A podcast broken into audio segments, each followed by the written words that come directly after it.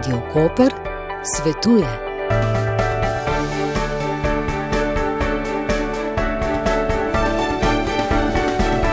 Dobr dan želim. Vsak pes mora biti označen z mikročipom najpozneje do dopolnjenega tretjega meseca starosti. Pri registraciji dobi mladiček svoj potni list, upisan mora biti v centralni registr psov. Veterinarka Lara Kralj. Pač koža mora biti absolutno čipiran vnešen v centralni register, mora imeti uh, evropski potni list, po 12 tednih mora biti obvezno cepljen proti steklini in pa vsekakor dobro, da je cepljen proti boleznim. Dobro je tudi, v bistvu, ko se povisuje psa, da je kakšna kupoprodajna pogodba, veterinarsko spričevalo iz kakšne tuje države. Za registracijo je potrebna tudi emšo številka. Imetnik psa mora biti starejši od 18 let. Za pse skotene po 1. januarju 2015 je obvezen podatek tudi številka čipa matere. Pri sami registraciji psa je pomemben izvor psa. To se pravi, vsak mladiček se registrira na mamico in moramo imeti v bistvu mikročip mamice. In če tega nimamo, ne moremo uh, normalno registrirati. Kuška. Za prvo registracijo psa je dolžan poskrbeti lastnik oziroma vzreditelj. Praviloma je po zakonu, da vzreditelj ali pa tisti, ki ima leglo mladičkov, registrira mladičke. In pa takrat, ko dobimo psa v roku sedmih dni, ga moramo pri veterinarju registrirati na svoje ime. To dosti krat lastniki pozabijo, če kupijo kjerkoli tudi recimo v Evropski uniji psa, ga pripeljejo v Slovenijo, v roku sedmih dni ga morajo registrirati v Sloveniji, da se upiše v slovenski register. Obvezno je treba registrirati tudi najdenčka, ki se ga odločimo posvojiti. Takrat v bistvu se mora kuža registrirati pri zavetišču kot najdenček, in se potem preko zavetišča registrira. Praviloma je, da gre potem tudi tašen kuža v karanteno. Veterinari namreč takega kužka ne smejo oziroma ga ne morejo sami registrirati. Če kupujete mladička iz tujine, se je potrebno pozanimati, kakšni so pogoji za vstop v Slovenijo, saj iz določenih držav, naprimer Srbije, vstop psa ni dovoljen pred sedmim mesecem starosti in brez vseh potrebnih dokumentov. To so, kot smo danes že povedali, čip, potni list, test titracije, veterinarsko spričevalo. Na spletni strani veterinarske uprave so dostopni tudi podatki o tem, kakšne dokumente lastniki psov potrebujejo za potovanje z njimi.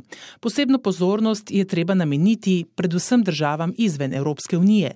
Za potovanje v Srbijo in Makedonijo, na primer. Ni dovolj, da je kuža samo cepljen, mora imeti tudi dovolj protiteles, da zagotavljajo, da je kuža odporen proti virusu stekline. Za te države je, je obvezen tudi test. Pridobivanje teh podatkov pa lahko traja tudi dva meseca. Ja, je kar recimo, da en mesec po vakcinaciji lahko vzamemo kri in potem se čaka še na rezultate, na dobro dva meseca. Radio Koper svetuje. Za konec še nekaj napotkov za poletje in potovanje s psom. Ja, sigurno je bistveno bolj varno, če imamo boks za psa, ker je, ne, je, je kuža zaščiten. Potem pač obstajajo tudi variante, da se psa zveže z varnostnimi pasovi in, in tako naprej. Je treba pač pos, seveda poskrbeti za varnost. Ja, in predvsem se pripraviti na vse ostale nepredvidljive zadeve, ki lahko nastanejo na potovanju. Predvsem imamo vsako leto kar nekaj primerov toplotnega udara, recimo. Ne, so določene pasme psov, ki vročino zelo težko prenašajo, ker tudi klima v avtu ne bo zadostovala.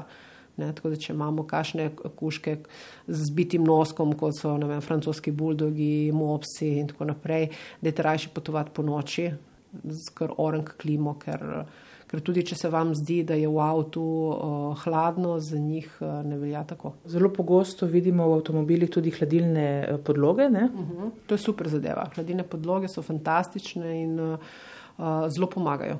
Sploh pri teh psih, ko se radi pregrevajo, so zelo, zelo koristne toplo priporočam. Ko potujemo, ponovadi govorimo tudi o pot, potovalni lekarni za ljudi. Obstaja kaj takega tudi za pse?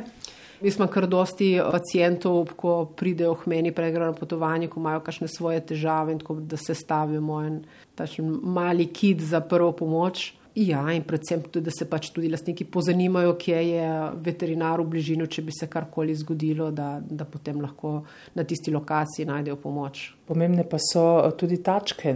Veliko krat čutimo, kako beton žge in potem vidimo te kuške. Tudi zato obstajajo ne, določena, um, določeni pripomočki, bom rekla, da jim to olajšamo.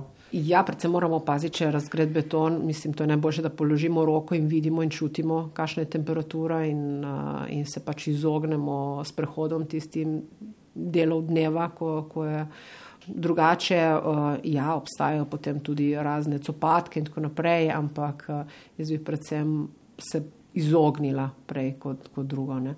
In pa predvsem, kar je, kar je pomembno, je pa tudi preventiva v določenih. Eh, državah. Ne? Ker imamo recimo v, eh, v Italiji prisotna lešmanjoza, ki je pri nas ni zelo huda, parazitska bolezen, ki se prenaša preko peščenih muh, tako da je potrebna posebna preventiva. Uh, jaz bi rekla, pred odhodom na potovanje, če potujete s kuškom, dajte poklica svojega veterinarja in ga malo povprašati, kakšne so nevarnosti v tisti državi, v katero potujete. Lara Kralj, najlepša hvala. Hvala tudi vam.